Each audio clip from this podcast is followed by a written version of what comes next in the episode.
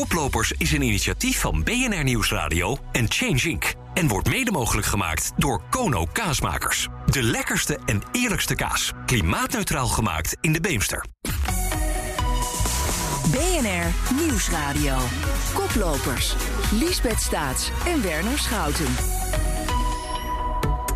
Dit is Koplopers, een programma over duurzame innovaties voor een toekomstbestendige wereld. Gemaakt in samenwerking met Change Inc. Mijn naam is Lisbeth Staats en Werner Schouten is de klimaatexpert in de studio en mijn co-host. We zoeken echte oplossingen voor de duurzame uitdagingen van nu. Met vandaag de boer en de technologie.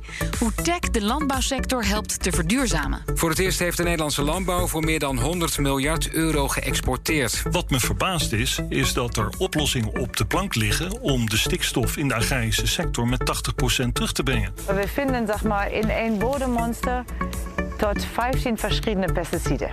En Nederland heeft een supermooi klimaat voor kweken buiten en voor kweken in de kas. Dus is die noodzaak voor vertical farming veel kleiner dan bijvoorbeeld het Midden-Oosten of uh, noordelijke landen. Ja, Werner, er ligt weer een week van klimaatnieuws achter ons. Wat viel je op?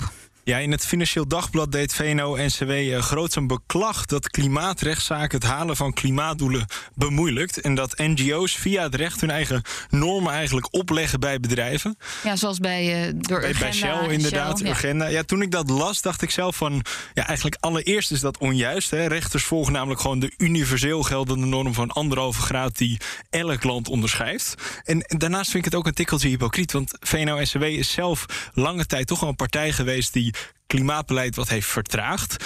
En daarmee hebben ze mede bijgedragen aan de oorzaak van de noodzaak voor deze klimaatrechtszaken.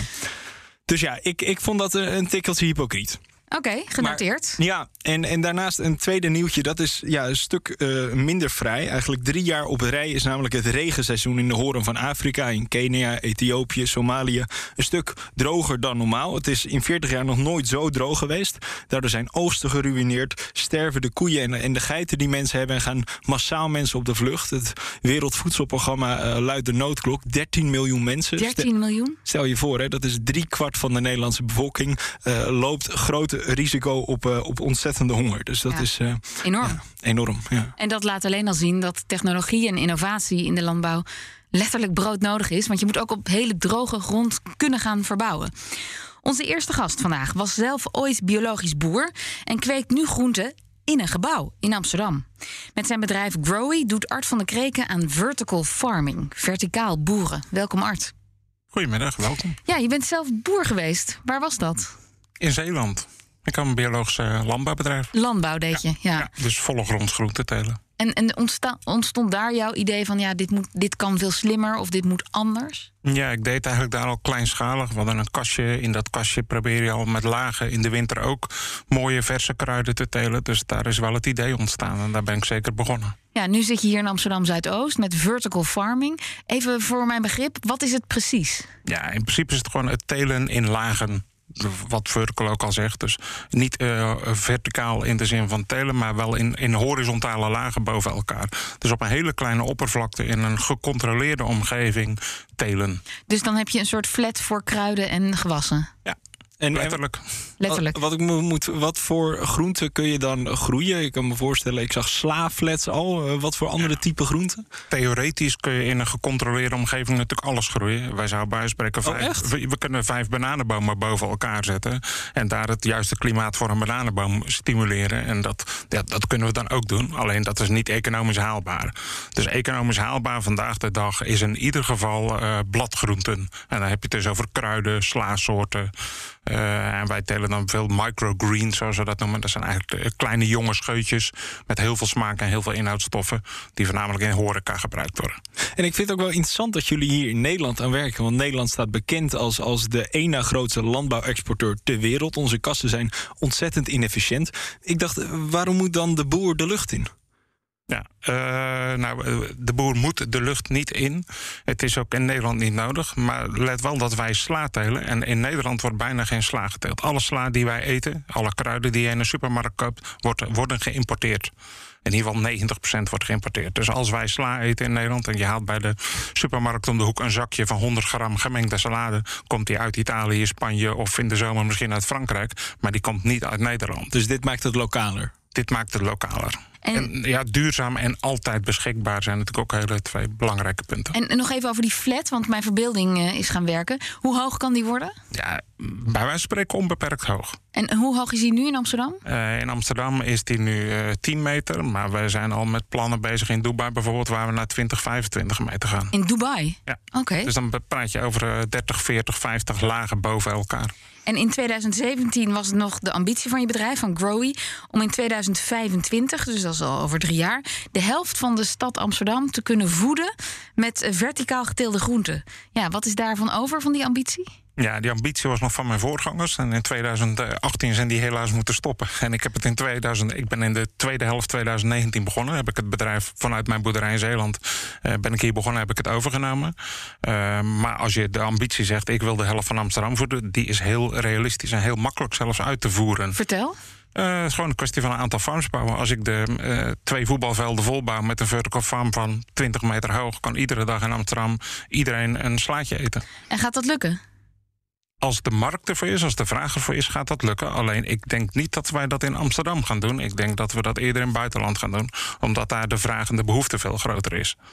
Oké, en, en, en, ja, dan hoor ik alweer buitenland. Dan denk ik aan export en, en transport. Wat is er zo, precies zo duurzaam aan dat vertical farmen? Het juist dat je niks moet exporteren. En juist dat je alles lokaal doet. Dus op het moment dat ik iemand in Afrika, waar nu een voedselprobleem is... als ik daar een vertical farm moet bouwen morgen in Nigeria...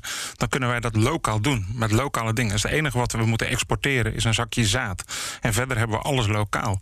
Dus je exporteert uh, geen producten. Je gaat niet slepen met uh, goederen over de wereld. En dus heb, heb, je wel pesticiden en zo nodig? Nee, helemaal niet. Dus het is ook echt ja, extreem duurzaam. Je hebt geen uh, uitspoeling van uh, nutriënten in de bodem. Je hebt geen verlies van water. Uh, en, en waarom je heb je, dus geen pesticiden nodig eigenlijk? Omdat het schoon is. Het is echt een, een clean room technologie. Dus je, je bent in een volledig... Ja, het is een, ja, bijna een lab. Er mogen ook geen mensen in. Dus onze farm is volledig gerobotiseerd. Er komen geen mensen aan te pas. Dus het is volledig gerobotiseerd en geautomatiseerd. Klinkt ontzettend high-tech. En ik denk heel veel mensen, heel veel ondernemers worden daar natuurlijk wel warm van. Maar mis je nu niet eigenlijk belangrijke functies van natuur? Ik heb het over bestuiving, wat normaal door de bijen wordt gedaan. Ik heb het over de belichting, wat normaal gewoon van de zon komt. Dat moet je allemaal zelf doen. Hoe los je dat zelf op? Ja, we, we, missen het niet, want we doen het dus allemaal zelf met de juiste ledlampen en de juiste spectrums. Kunnen we zonlicht nabootsen? Je moet je voorstellen. Maar kost dat niet ontzettend veel energie? Dat kost energie. Alleen dan is de vraag weer waar haal je die energie vandaan? Maar als je naar het licht kijkt, wij bootsen nu de zon na. Dus wij beginnen s ochtends met wat meer blauw licht. En aan het eind van de dag, als het licht uitgaat, blijft de verrood fractie van het licht. Laten wij iets langer door, zodat we al dat soort dingen nabootsen. Dus je kunt de omgeving heel goed controleren. Je kunt alles sturen. Missen we iets uit de natuur? Nee, wij, wij hebben deze farm ontwikkeld als, vanuit de boerengedachte en vanuit het plantje. En je zoekt alles zo goed mogelijk. Ik denk wel dat wij bijvoorbeeld heel erg op dit moment op zoek zijn naar biologie in het water. Uh, wat voor soort bacteriën? En je hebt goede en slechte bacteriën. Mm. Sommige bacteriën zijn biostimulanten. Die hebben we in de wortels kunnen wel gebruiken. Daardoor zouden we nog minder nutriënten toe kunnen voegen. En, en hoe kijkt de omgeving naar die flats? Want als er een windmolen ergens komt, dan is er al heel veel protest. Hoe is er draagvlak? Weet je dat voor vertical farming, boerenflats? Ja, de, de boerenflat is niet wat je ziet, want je ziet gewoon een, gebouw staan. Nou, wij kunnen die gebouwen, we hebben nu een ontwerp gemaakt om in Almere een, een boerenflat te maken.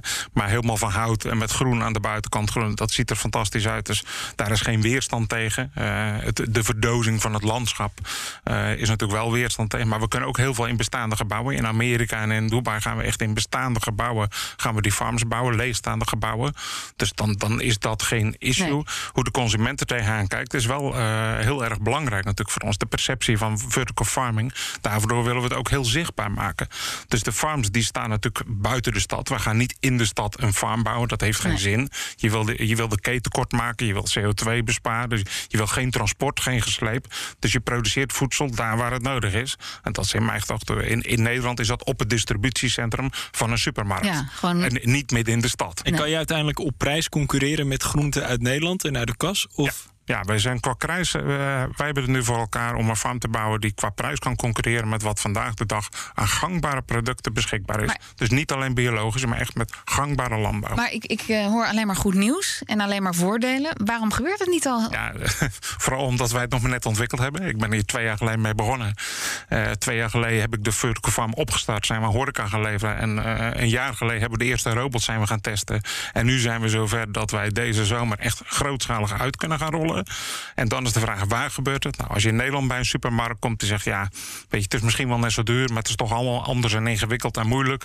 Uh, ik ben er nog niet aan toe. Terwijl in het buitenland uh, de supermarkten echt bij ons op de deur kloppen. En uh, ja, ah. we zijn nu over heel de wereld... Dus wij zijn conservatief? Heel conservatief. Ja. En, en voortbouwend op dat het nog niet echt gebeurt. Ik ken toevallig een aantal mensen in de sector die zeggen ook wel.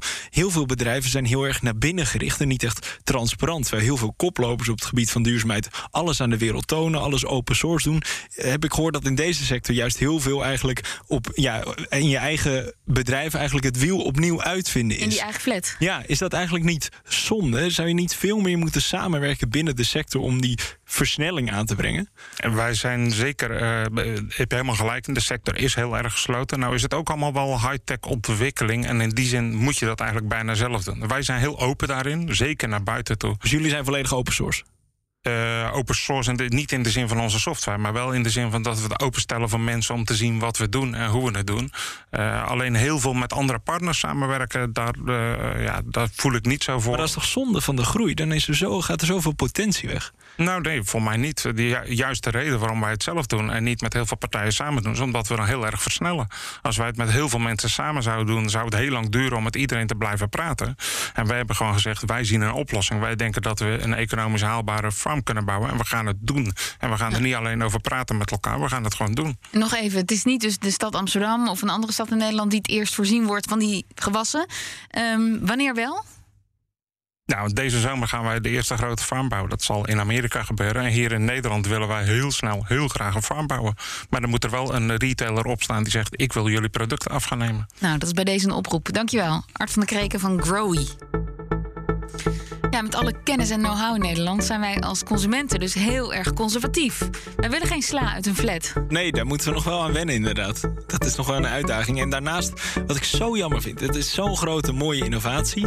Maar dan gaan ze het wel allemaal voor zichzelf houden. Terwijl als je denkt, er zijn zulke grote vraagstukken. In het nieuwtje hadden we het over 13 miljoen mensen die, die honger die lijden. honger lijden als gevolg van klimaatverandering. Dan ga je zoiets toch open source doen. Dan is het toch een beetje gek dat we uit competitieoverweging het voor onszelf gaan houden, zodat we zelf financieel gewin uit kunnen halen. Dat is eigenlijk nog een hele oude vorm van uh, bedrijfsvoering. Echte traditionele ondernemen. En ik denk dat we daar wel uh, anders in moeten opereren.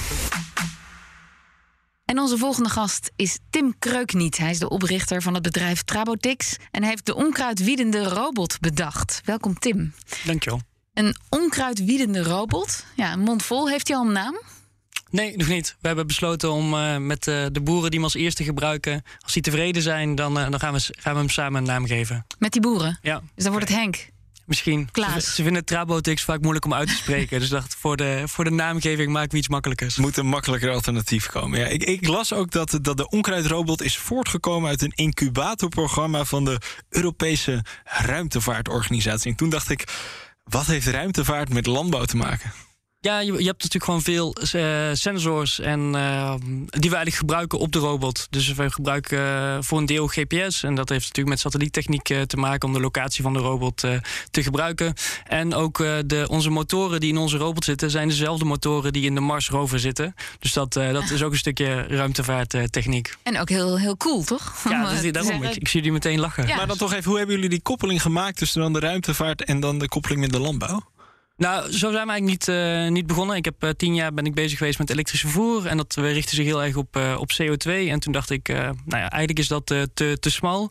Maar wist ik niet zo goed wat ik moest doen. En toen kwam ik in een ander incubatieprogramma Mohammed tegen, mijn co-founder. Ze lucht- en ruimtevaartingenieur.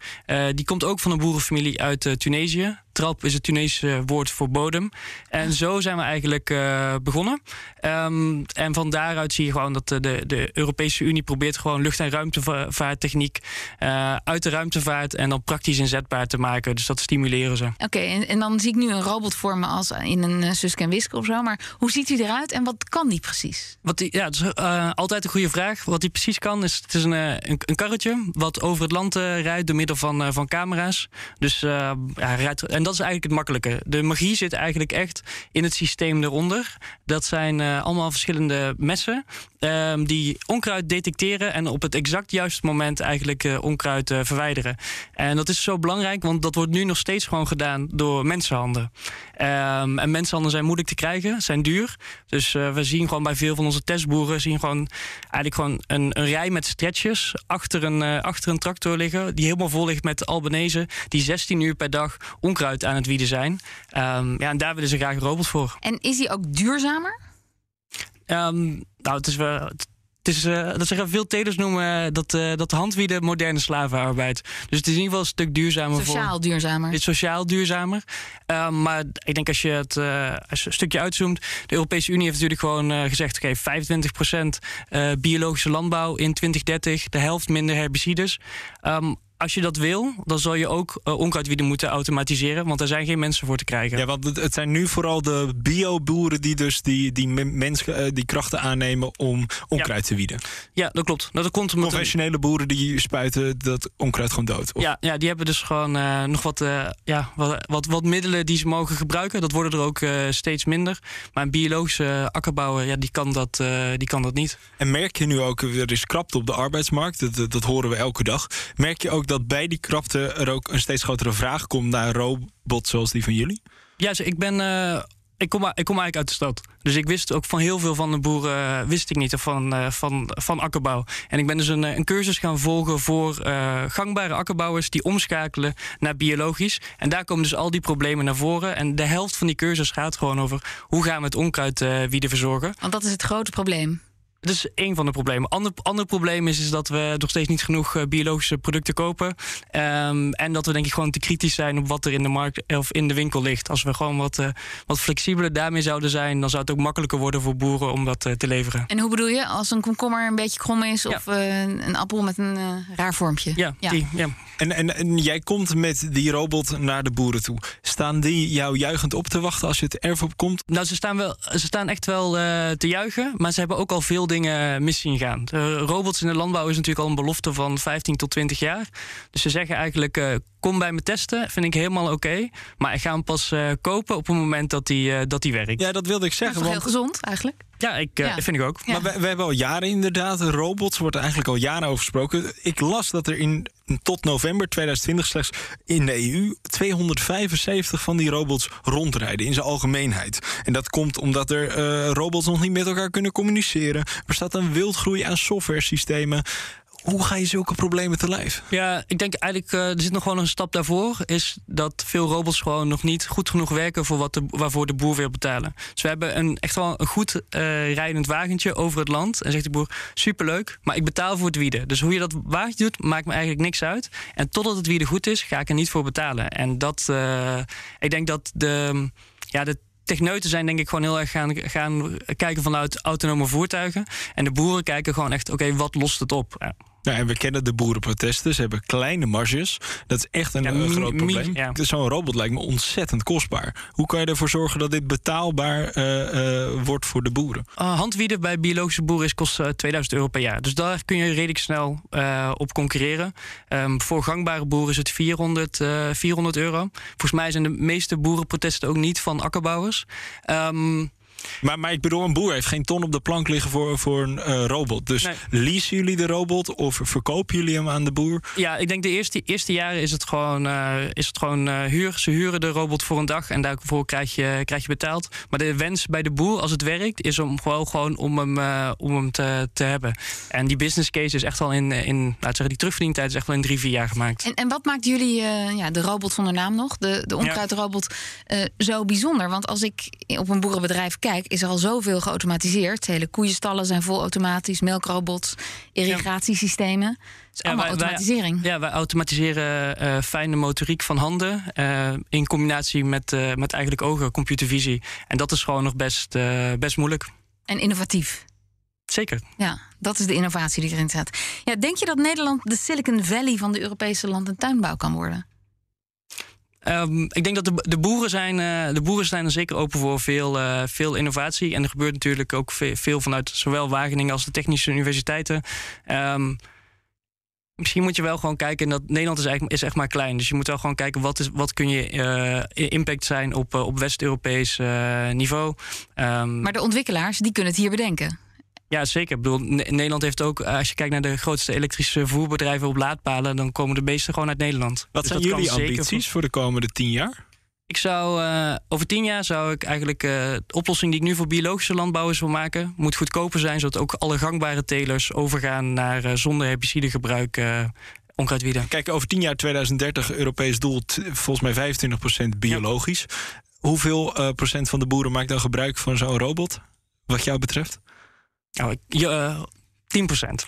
10 procent. Oh. En uh, nog even, je zei van ja, wij, wij, hebben het eigenlijk het principe geleend van de ruimtevaart. Is dat ook iets wat je ondernemers kan aanraden om te kijken naar een totaal andere bedrijfstak en daar nieuwigheden en innovaties vandaan te halen? Ja, wel een, wel een van de dingen die je ziet in de landbouw is dat het vaak grote en zware machines zijn. Uh, en lucht- en ruimtevaart is natuurlijk uh, licht. Uh, en licht zorgt ook voor dat je veel wendbaarder bent en ook bijvoorbeeld veel makkelijker kan, uh, kan innoveren. Zodat je boeren in staat stelt bijvoorbeeld niet, niet langer te hoeven uh, ploegen. dat zijn allemaal innovaties die eigenlijk gewoon een positief effect hebben op de, op de bodem. Um, en dat zijn eigenlijk allemaal al gebruikte technieken in, in andere markten. Dus ja, dat kan ik zeker aanraden.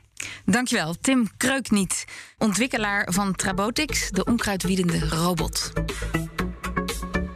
Die robot, die onkruidrobot, dat gaat dus ook over sociale duurzaamheid. Je lost er ook een enorm arbeidsmigratieprobleem, huisvesting mee op. Het werk zelf is ook niet zo heel leuk. Nee, zeker niet. Het is grappig. Daar had ik helemaal van tevoren nog helemaal niet over nagedacht dat dat ook een vorm van duurzaamheid is. Ja, ja en het mooie is ook wel dat je dus innovatie, voor innovatie kan je dus ook laten inspireren van andere sectoren. Zij hebben het dus uit de, uit de ruimtevaart gehaald. Maar je ziet het ook dat steeds meer architecten zich laten inspireren door de natuur op heel veel verschillende sectoren. En ik denk dat daar nog zoveel te winnen valt. Ja, want het is namelijk heel groot, de natuur. Dank voor het luisteren naar Koplopers. Je deze en andere uitzendingen terugzoeken via onze BNR-app of bnr.nl, maar ook op jouw podcastplatform naar keuze. Koplopers is een initiatief van BNR Nieuwsradio en Change Inc. En wordt mede mogelijk gemaakt door InvestNL Impact Investors. Wij maken morgen mogelijk.